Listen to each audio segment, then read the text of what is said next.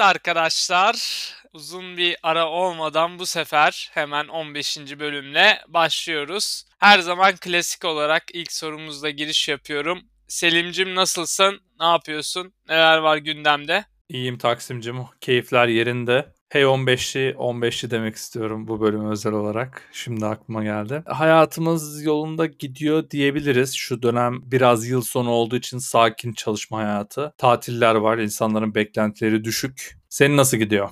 Christmas vardı biliyorsun buralarda. Çok e, geçen hafta konuştuğumuz gibi kutsal bir kutlama günü. Gerçekten Londra'da hayatın e, hiç durduğunu görmemiştim ama öğrendiğim kadarıyla Christmas gününde herhangi bir şekilde tren, metro, otobüs hattı çalışmadı. Bu düne kastederek söylüyorum. Marketlerin %99'u kapalıydı, restoranların çoğu kapalıydı. Sadece merkezde bazı yerlerin açık olduğunu duydum ama kısıtlı bir hizmet sektörü aktivitesi gerçekleşmiş. Bu beni şaşırttı. Kendim tecrübe etmedim çünkü ben Christmas'ta shift'teydim geçen hafta bahsettiğimiz gibi. Uzun gecelerden sonra tekrar hayata geri dönüş sağladık. Şimdi de önümüzde yeni yıl var. Güzel oluyormuş Avrupa'da değil mi? Böyle aralığın son iki haftası herkes chill out böyle takılıyor.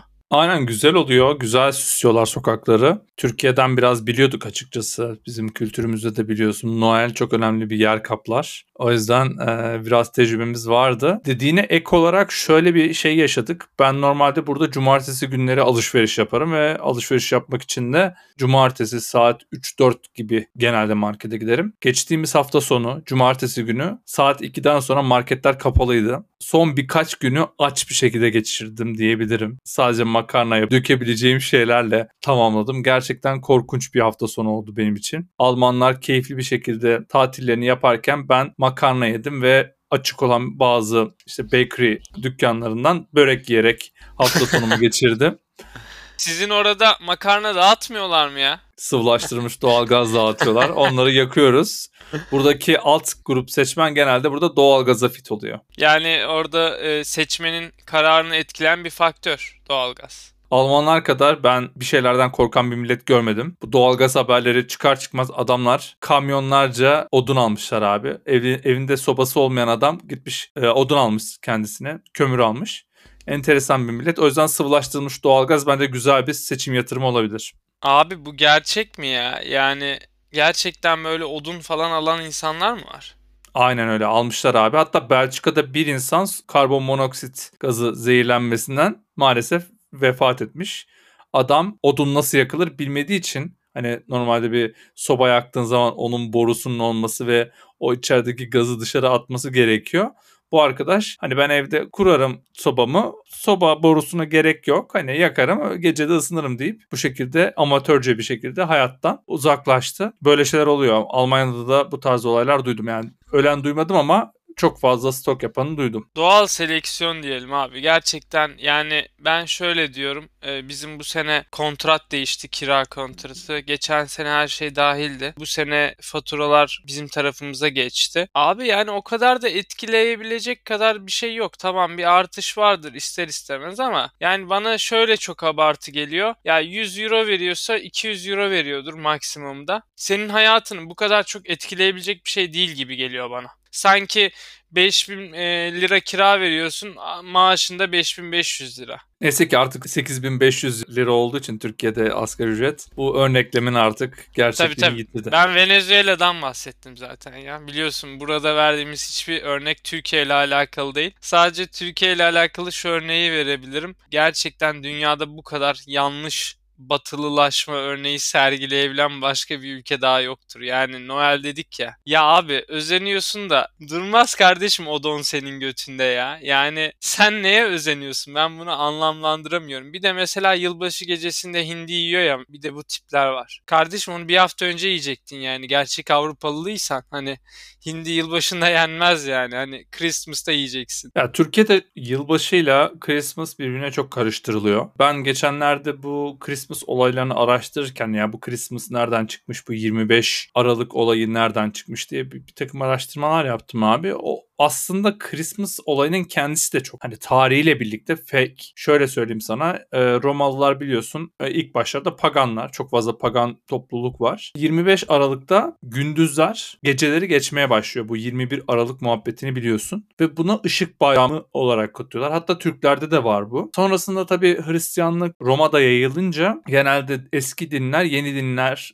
arasındaki çatışmada eski dinler yeni dinlerin alışkanlıklarını ya yok eder ya da başka bir şeye çevirir. O yüzden abi İsa'nın doğumunu diyorlar ki 25 Aralık'ta kutlayalım. Bu tatille de çakıştırmış olalım. Yani aslında İsa'nın doğumuyla ilgili herhangi bir bilgi yok. Hatta başka kiliseler atıyorum bildiğim kadarıyla Doğu Roma Kilisesi 8 e, Ocak'ta kutluyor. Batı Roma'da 25 Aralık'ta kutluyor. Aslında alakası yok dediğim gibi. Pagan gelenekle birleştirmek için bunu tercih etmişler. Aynı zamanda bu ağaç süsleme olayına bakıldığı zaman da Almanlardan geldiği düşünülüyor. Çünkü Almanlarda işte bu pagan dönemden kalma bir alışkanlık. Bunlar genelde mevsimlere göre yaşadıkları için ağaçlarını süslüyorlar. Burada da şöyle bir durum var. Neden peki diğer ağaçlar değil de çam? Çam kışın ortasında yeşil kalabilen nadir ağaçlardan biri. O da bir şekilde doğaya karşı ayakta durmak, işte canlı kalmayı da refer ettiği için genelde çamları süslüyorlar. Aynı zamanda bu Atilla zamanında da olan bir şey. Çünkü Türklerde de hayat ağacı diye bir tabir var. Hayat ağacı çok önemli. Biz de e, hayat ağacı dediğimiz ağaçları süslüyoruz kışın. Böyle de bir komplo teorisi var buradan mı geldi diye. Ama bu mevzunun yılbaşıyla yakından uzaktan hiçbir alakası yok. Bazı milletler bunları çok mixliyor. Yani yılbaşı geleneklerindeki bazı renkler, bazı dekorasyonlar benziyor Christmas. Ama Christmas ruhuyla e, yılbaşının aslında çok bir alakası yok. Evet, Cambly sponsorluğundaki bu güzel genel kültür bilgilerinden sonra e, Selim Tepelere teşekkür ediyoruz ediyoruz. Peki sen ne yaptın Christmas gecesi ya da bir planın var mı yılbaşı için? Onlardan bahsedelim istersen biraz. Christmas gecesinde dediğim gibi karnım gurulduyordu maalesef. Noel Baba'dan hediye bekledim fakat Noel Baba eve giremedi. Çünkü burada maalesef soba sistemi kalmadı ve merkezi ısıtma olduğu için herhalde girecek bir delik bulamadığı için bana hediyemi getiremedi. Gerçekten bir şekerine çok muhtaç kaldım. Bu arada biliyor musun bilmiyorum ama bazı topluluklarda bu Thanksgiving'de olduğu gibi Christmas'ta da şeker toplama olayı varmış. Keşke Almanya'da da böyle bir gelenek olsaydı da karnımızı şekerlerle doyursaydık. Sen ne yaptın Christmas gecesi ve yılbaşı için ne gibi bir planın var? Kapı kapı herhalde e, şeker aramaya çıkardın değil mi? Abi Christmas gecesi biz şeydeydik biliyorsun masamızdaydık, çalışıyorduk. Ben sakin olur diye bekliyordum ama e, biraz böyle Christmas gibi yerlerde markette de talep dengesizlikleri meydana geldiği için bayağı yoğun geçirdik. Ben de onun için dedim ki güzel bir tatili hak ettim. Yılbaşı için de Almanya taraflarına böyle biraz daha her zaman Christmas'ta yılbaşını da hakkını vererek yaşayan Alman topluluklarına dahil olalım istedik. Onun dışında başka bir planım yok. Hemen geri döneceğim çünkü e, tekrardan çalışmaya başlıyoruz yeni yıl. Almanya dediğimiz büyük bir ülke. Hangi kısmı özellikle Almanya'nın? Abi biliyorsun ki büyük şehirlerde artık bir Alman kültürü ya da İngiltere'de büyük şehirlerde İngiliz kültürü bulmak zor. Biz Almanya'nın en Alman olan Göttingen kasabalarına doğru. Kasaba demek doğru mu oldu bilmiyorum ama sizin vilayet sistemini bilmediğim için. Peki Londra'dan Göttingen'e tam olarak nasıl geçiyorsun? Biraz zor. Göttingen maalesef henüz AK Parti belediyeciliği tarafından geliştirilmediği için havaalanı yok. Onun için bazı yakın yerlerde var. Bunlardan bir tanesi Hannover nasıl okunuyor bilmiyorum. Bir tanesi de Bremen olabilir. Aslında birçok etrafındaki şehirde var. Gidebilirsiniz. Hepsi 2 saat mesafede sanırsam ya da 1 saat. Ben Bremen'den geçeceğim. Ben ilk kez uzun süreli diyebileceğin hani turistik olarak değil de biraz daha yaşama olarak Bremen'e gitmiştim. Hem özledim hem de Bremen'in biraz yakın olduğunu görünce dedim ki neden geçmeyeyim. Hem de biraz daha az uçmak istiyorum abi. Çünkü uçaktan birazcık korkuyorum. Ne kadar süre az geçiyorsa o kadar iyidir yani. O uçak korkunun temelinde neler var? Yani tam olarak neden korkuyorsun? Mesela ben inişlerden korkmaya başladım. Ben ilk Almanya'ya geldiğim zaman ve Münih'e uçarken uçak piste tam inerken geri kalkmıştı. Bir süre dönmüştü etrafta biz anlamamıştık neden olduğunu. Sonraki ikinci denemesinde de gerçekten çok sallanarak inmişti. Tamamen rüzgar kaynaklıymış. O tarihten itibaren artık ben kalkışlarda değil ama inişlerde biraz endişe ediyorum ve iyi indikleri zaman da alkışlayan kitleden biri oluyorum. Seni peki korkutan neydi? Öz- özellikle neden korkuyorsun ya da neden endişe ediyorsun? Bunlar çok, çok normal şeyler ama merak ettim bu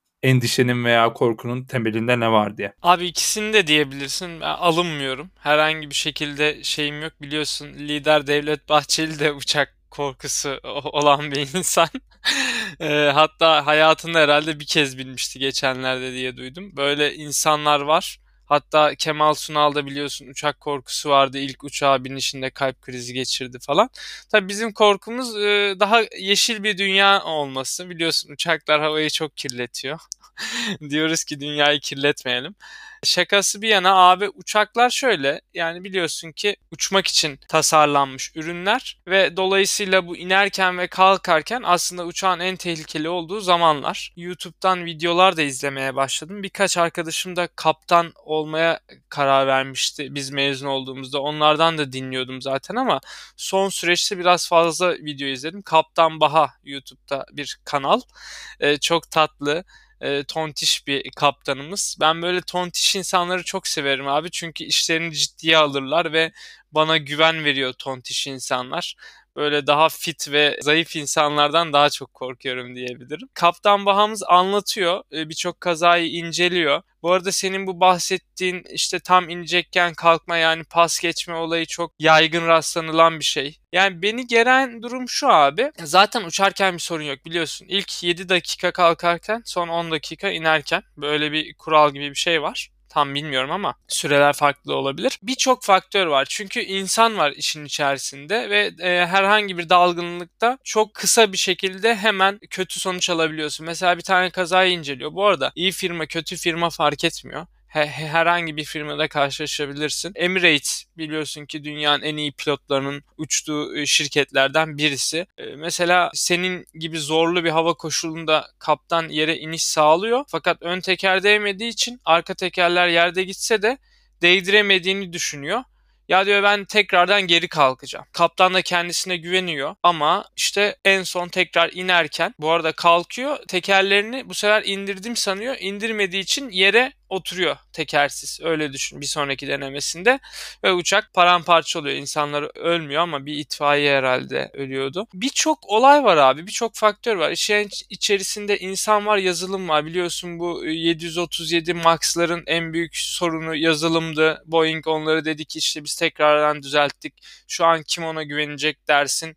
Birçok firma tonlarca sipariş verdi özellikle Amerika tarafında. Çünkü işin içerisinde hava yolları da var ortaklığında uçaklarında. Ben de şahsen Airbus uçaklarını çok seviyorum. Onun için Pegasus filosunu biliyorsun tamamen Airbus'a çevirme kararı aldı. Genelde böyle low cost firmalar şey yapmaya çalışıyor. Yani tek tip uçak olsun, tek tip bakım, tek tip kaptan. Çok dallanma budaklanma olmasın daha kolay organize edilebilir olsun. Sonuçta şey cihazlar bunlar hassas cihazlar. Tabii ki de çok güçlü cihazlar ama e, herhangi bir hatada işte e, kaptan pisti karıştırsa e, öyle şeyler de var mesela. Kaptan pisti karıştırıyor. U- uyumamış almamış mesela önceki gün. Yeteri kadar uykusunu almamış. Taksi yapılan piste inmeye çalışıyor. Tam böyle hemen hemen 20-30 fit kala başka bir uçağın üstüne inecekken kalkıyor mesela tekrardan. Hani sonra fark ediyor. Böyle tuhaf şeyler olabiliyor abi. Veya kuledeki insanların da dalgınlığı olabilir. Onlara da bakabilirsin. Mesela kule konuşmaları var. Onları da tavsiye ediyorum. Böyle kaptanların bazılarının mikrofonu açık kalıyor. İşte Filipinler'deki arka sokaklardaki hatıralarını anlatıyor falan. Mesela Türk kaptan bu. Bir tanesi e, mikrofonu kapattığını sanıyor oh yavrum falan diyor işte kuledeki kadına. Kadın da diyor ki efendim siz bana yavrum mu dediniz? Ee, diyor kaptan. Ee, ya ben burada arkadaşı söyledim de çok güzel indiğimizi söyledi. Tamamdır yavrum dedim falan diyor mesela. Abi uçak endüstrisi farklı bir endüstri. Korkmamak elde değil. İnsan var çünkü. Bir sadece bilgisayar olsa güvenim daha fazla olurdu. O yüzden sana bu videoları izlememeni tavsiye ederek bu tarafı da geçelim. Yılbaşında neler yapıyorsun diyeyim ve 2023'te beklentilerin neler? Neler hedefliyorsun? Çok spontan bir soru sordum biliyorum. Ben, benim de aklımda bir şey yok ama sen cevaplarken bir şeyler düşüneceğim kendime. Hadi seninle başlayalım. Aramızdaki günahsız olarak taşı ben atayım. Yani ben biliyorsun inanmam böyle özel günlere çok fazla. Yılbaşıymış, bilmem doğum günüymüş. Yani en azından kendimin tarafında benim için herhangi bir önemi yok. İşte astrolojiymiş, bilmem gezegenlermiş. Bunlar insanların uydurduğu şeyler. Saat kavramıymış falan. Ama tabii ki de insanın kendisini tekrardan gözden geçirmesi açısından ve önündeki seneye herhangi bir plan koyması açısından önemli günler. Ee, yılbaşı gecesine masa oyunların oynayarak girmeyi planlıyorum. Yıllardır yaptığım aktivitedir. Hiç de sıkılmam. Ondan sonraki en büyük fantezim de 2023'e girdik ulan videosunu izlemek olacak. Yani o video benim bir 10 senedir ritüelimdir yani. Hani e, yılbaşına girdiğimizi bile anlamam. O video düşünce derim ki tamam biz girmişiz e, bu geri sayımlar falan saçma sapan kültürler. E, saygı duyuyorum ama ben yapmam öyle şeyler. E, 2023'e dair plan yapma açısından önemli bir gün ve 2022 değerlendirme açısından da önemli bir gün. Bakıldığı zaman 2022'de hayatımızda büyük değişiklikler oldu. Londra'ya geldik. Çok ciddi bir karardı benim için. Çünkü birçok şeyi değiştiriyorsun. Hayatındaki birçok şeyi yeni hayatına göre planlamak zorundasın. Zor bir dönem oldu. Ailevi mevzular da vardı ama 2022'nin ortasından itibaren hayat biraz daha stabilize olmaya başladı. Biraz daha keyif almaya başladık. Ağustos, Eylül'den sonra daha da hayatımız canlanmaya başladı. 2023'te de bundan sonraki adımın ne olacağını planlamam gerekiyor. Burada mı kalmaya devam edeceğim yoksa biraz daha gençliğimiz ve enerjimiz yerindeyken expat hayatına daha böyle farklı yerleri de görerek mi devam edeceğim? Biraz bunu görmek, bunun kararını almak istiyorum. Belki bir yer değişikliği de olabilir. İnsanların gözünde şeydir hep yani ya buraya geldim vatandaşlığımı alayım döneyim. Benim öyle bir derdim yok. Zaten inanıyorum ki yakın dönemde çok da büyük sorunlar da olmayacak. Yani biz böyle şeyler için hayatımızı harcıyoruz bekliyoruz 5 sene 10 sene ama ya 5-10 seneye hayatta ne olacağını bile bilmiyorsun. Belki zaten bu vatandaşlık kavramı bile değişecek yani. 2023 ve 2024'ün stresli zamanlarında ne yapabileceğimizi iyi planlamak gerekiyor. Ben biraz işin o tarafındayım zor günler geliyor. 2023 biraz daha zor olacak abi ekonomik açıdan. Belki sevmediğin işi yapmak zorunda kalacaksın belki sevmediğin insanlara katlanmak zorunda kalacaksın ve de daha fazla çalışmak zorunda kalacaksın. Bazı az ücretlere okey demek zorunda kalacaksın. Bu psikolojiyi yönetme açısından 2023 önemli. Sana da tavsiyem bu olur. Senin ne var kafanda plan? Ya benim yapmam gereken bazı şeyler var. Onları resolution olarak belki söyleyebilirim. Örneğin artık okulu bitirmem gerekiyor. Sakız gibi uzadı. Artık elimde yapışık kalmasını istemiyorum. Beni de aslında Münih'e yapıştıran şeylerden birisi okul. Hani özgürlüğümü kazanmam için okuldan bir an önce kurtulmam gerekiyor. Onu söyleyebilirim. Biraz Almanca öğrenmek istiyorum. Hani en azından kalıcı oturum alabilmek için. Belki onu yapabilirim eğer master tezinden zaman bırakırsam kendime. Onun dışında kilo verme gibi bir hedefim var. Şu an hayatımın top kilosundayım. Bunda 2022'nin sonundaki sakatlanmam, sonrasında ameliyat olmam vesaire o süreçte aldığım kiloların da etkisi var. Covid'in de etkisi var. O yüzden gerçekten Covid öncesi kiloma dönmek istiyorum. Kolay olmayacak, zor bir süreç. Kendime 3 tane büyük hedef koymuş olayım bu şekilde. Bunlar zor gerçekten arkadaşlar. Ben bile iyi bir aksiyon planı çıkarmam gerektiğini farkındayım. Çünkü arada bir kilo alıyorum, veriyorum. Hani istikrarlı olmuyor ya da okula biraz önem veriyorum sonra salıyorum falan kolay olmuyor. Almanca için de geçerli. Çok böyle başlayıp yarıda bıraktığım çok oldu. Ciddi olmam gereken, yapmak istediğim şeylerin sayısını minimumda tutup minimum konu üzerine maksimum dedikasyonla çalışmam gereken bir dönem olacak. İş değiştirme konusunda ben açıkçası düşünüyordum. E, farklı bir tecrübe olsun diye. Fakat son aylarda şirketteki işten çıkarmalar, senin dediğin gibi iş yükümün artması, yeni verilen işler ve o yeni verilen işlerin bana yeni hikayeler yaratması nedeniyle bir süre kalacağım. Muhtemelen 2023 yılı içerisinde bir iş değişikliği yapmayı düşünmüyorum. Onu birazcık daha 2024'de bıraktım gibi duruyor. De- hayatımda ciddi büyük değişiklikler olabilir özellikle Eylül'den sonra. Çünkü Eylül'den sonra bu kontratlarım bitiyor. Yani kalacağım yer kontratı. Bu beni farklı bir şehre de sürükleyebilir. Münih'te de kalabilirim. Şimdiden inan bilmiyorum ama sanki Eylül'e kadar çok stabil bir şekilde bu koyduğum 3 hedef üzerine çalışacağım. Sonrasında da artık 2024'te ben nerede yaşamalıyım, ne iş yapmalıyım bu tarz konular üzerine fokus olacağım gibi duruyor. Evet abi hayat çok hızlı geçiyor. Ben biraz bunu da fark ediyorum. Gerçekten e, yaşta bayağı bir almış olduk. Şurada mezun olduğumuzdan beri 5 sene geçmiş. Çok ilginç geliyor bana bu kadar hızlı geçmesi. Muhtemelen önümüzdeki sene tekrardan bir değerlendirme videosu çekerken inanamayacağız ve bunları biraz da gözden geçirme fırsatımız olacak. Ne konuşmuştuk, neler oldu. Ee, bakalım heyecanlı. Her zaman insanlar için önemli günler benim için de bir şekilde saygıyı hak ediyor heyecanlıyız. E, geriye sayıp bakacağız bakalım. Ertesi gün hemen ne değişiyor. Tavsiyemiz şu yaşadığımız şeylere bir nebze olsun. Bu hayatın bize yaşattığı şeylere bir teşekkür edip kağıda yazıp yakıp atmak diyelim. Pozitif enerjimizi gönderelim abi. Biliyorsun e, dünyada bir günde rezil de olabiliyorsun, vezir de olabiliyorsun. Nitekim en son gördüğün gibi biz konuşurken henüz olay yeni yeni canlanıyordu geçen hafta ama e, Nusret biliyorsun bir gecede bazılarının gözünde rezil oldu. Benim gözümde böyle çok büyük bir değişiklik olmadı ama sen ne düşünüyorsun o olaylar hakkında? Nusret zaten rezil bir adamdı benim gözümde. O yüzden daha fazla rezil olmadı açıkçası o gece. Çok daha fazla düşmedi. O konuda ben açıkçası Nusret'in biraz haksızlığa uğradığını düşünüyorum. Abi şimdi Nusret dediğimiz karakter çok ciddi bağlantıları olan Infantino yani FIFA başkanıyla kanka olan Messi ile daha önce ciddi ciddi fotoğraflar çekilmiş. Arjantin milli takımını defalarca doyurmuş bir kişilik. Sen şimdi bu adamı sahaya alıyorsun. O adam da gider orada kupayı da öper, alır, Messi'yi de tokatlar. Her şeyi yapar abi. Sen onu sahaya soktuysan o adam her şeyi yapar. Tabii ki büyük bir rezillik. Bir memleketlim olarak bir Erzurumlu olarak yakıştırmadım kardeşime bu davranışlar ama yani bence sistemin kokuşmuşluğu yani o o gece çok fazla paranın sistemi kokuşturduğuna dair örnekler izledik. İşte Messi'ye giydiren o kıyafet. Yani Messi kardeşim sen e, orada Nusret'in seni nac etmesinden mi rahatsız oldun? Sana bildiğin elbise giydirdiler yani. E, bence o gecenin en skandal olayı işte bu kupa töreni sırasında Messi'ye giydirilen o önlük mü diyeyim artık o kuşak mı diyeyim o o iken biraz sanki e, bütün hikayeyi bütün hisseyi Nusret kardeşimize yıktılar gibi geliyor.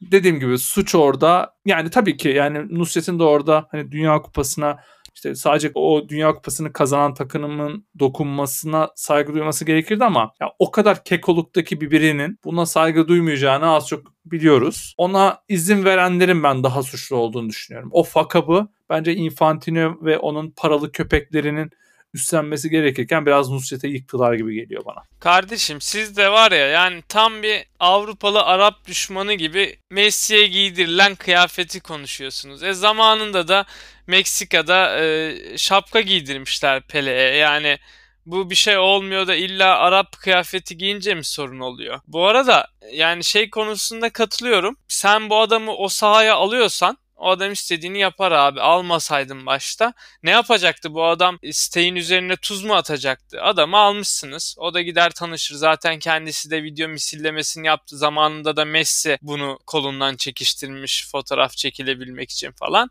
Yani bu işte Messi'nin de yavşaklığı biraz. ikiyüzlülüğü. Tamam kardeşim kazandığında ne yapıyor? Adam senin bir tarafına parmak atmıyor. Diyor ki kardeşim bir bak bir fotoğraf çekilelim. Sonra gideceksin. Yani aile üyelerinizle çekiliyorsunuz da bu derece ailenizin stekçisi olan Nusret'le mi çekilmeyeceksiniz? Yani ben o kafadayım abi. Çok abartılıyor. Zaten FIFA falan soruşturma başlatmış. Doğrusu odur abi. Yani gidersin Infantino'ya sorarsın bunu. Yani siz bu adamı niye alıyorsunuz buraya diye. Bu kadar basit abi. Aynı fikirdeyiz. Çok nadir konuda olduğumuz gibi. Nusret kardeşimize gereksiz bir saldırı var. Adamı her yerden blokluyorlar. Bu abartmamak lazım abi. Gerçekten bu Dünya Kupası sürecinde ben Avrupa ve dünya kamuoyunun nasıl Türk kamuoyu gibi bir şeyleri işine geldiği zaman abarttığını, işine gelmediği zaman da sakladığını gördük işte en başından itibaren Katar'a verilmesinden ne kadar sorun çıkarmışlardı. Tekrar aynı konuları konuşmak istemiyorum. Ama bu olayda bence buna bir örnek. İşte kamuoyu abi işte yani pop, pop kültür ne istiyorsa o an o konuşuluyor ve o kutsanıyor, o linç ediliyor. Ben bu cancel culture'a biraz karşıyım açıkçası. Yani bu Nusret bir anda mı çirkinleşti abi? Bu adam gidip et tokatlayan bir adamdı yani. Şimdi mi tepki veresin geldi yani? Kesinlikle katılıyorum abi. Tepki olarak eğer Arjantin Messi'nin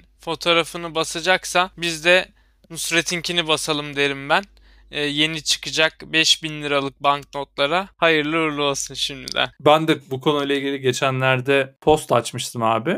İşte kim olsun diye yani çünkü şöyle bir durum var. Sen böyle bir para bastığın zaman mesela ben Messi'yi seven birisi olarak şey düşündüm. Böyle bir para basılırsa ben Arjantin pezosunu nereden bulurum? Çünkü binlik banknotun üzerine basmayı düşünüyorlar. Binlik banknotu 100 liralık bir şey yani. Hani 106 liraya falan denk geliyordu. Hani anı olsun diye alırsın birine hediye edersin falan. Bu şekilde düşünen yüzlerce, binlerce, milyonlarca insan olursa bir anda dolara karşı Arjantin pezosu yükselebilir. Biz peki kimi basmalıyız ki hani insanlar alsın diye bir soru açmıştım. Birçok insan e, Nusret'i önermişti. Nusret gerçekten dünya kamuoyu tarafından en çok bilinen e, Türk kişiliklerden bir tanesi. Can Yaman çok geldi abi. Can Yaman Ben de bence de çok mantıklı. Özellikle İspanyol hayranları tarafından son derece sevilen birisi olabilir. Tarkan abi. Tarkan Ruslar. o kadar bilinmiyor evet. artık eskisi kadar. Hmm. Ee, ben dizi oyuncuları olabilir. Pınar neydi o kadın ismi? Pınar Deniz miydi? E, şu dünyayı kurtaracağını düşünüp oyuncu olan ve bir dizide avukatlık yapan kız herhalde Pınar Deniz'di. O olabilir. Veya şey olabilir. Recep Tayyip Erdoğan.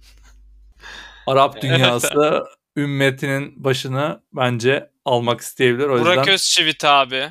İşte Tabii. bazı iz, Aşkı Memnu dizileri izleniyor bazı coğrafyalarda onların oyuncuları. Bence çok iyi fikir abi. Yani bazı ben, ne olacak mürekkebe mi acıyorsun? Ben abi bunu Cimer üzerinden Ekonomi Bakanlığı'na bir çözüm önerisi olarak ileteceğim. Yakında belki beni kabinede görebilirsin kardeşim. Abi e, Nebati ile yan yana sizi görmek isterim. Birbirinize ışıltılı bakışlarınız hepimize iyi gelecektir diye düşünüyorum. Teşekkür ederim. Bu şekilde istersen bölümü toparlayalım. Herkese 2023'te mutlu, huzurlu ve bol kazançlı bir yıl diliyorum. Senin temennilerin ne istersen kapatalım. Bu sene boyunca aldığımız kararda yanımızda olan herkese ben teşekkür ediyorum. 2023'ün de hepinize sağlık ve ekonomik anlamda biraz daha rahatlık getirmesini diliyorum. Kendinize iyi bakın. Görüşmek üzere.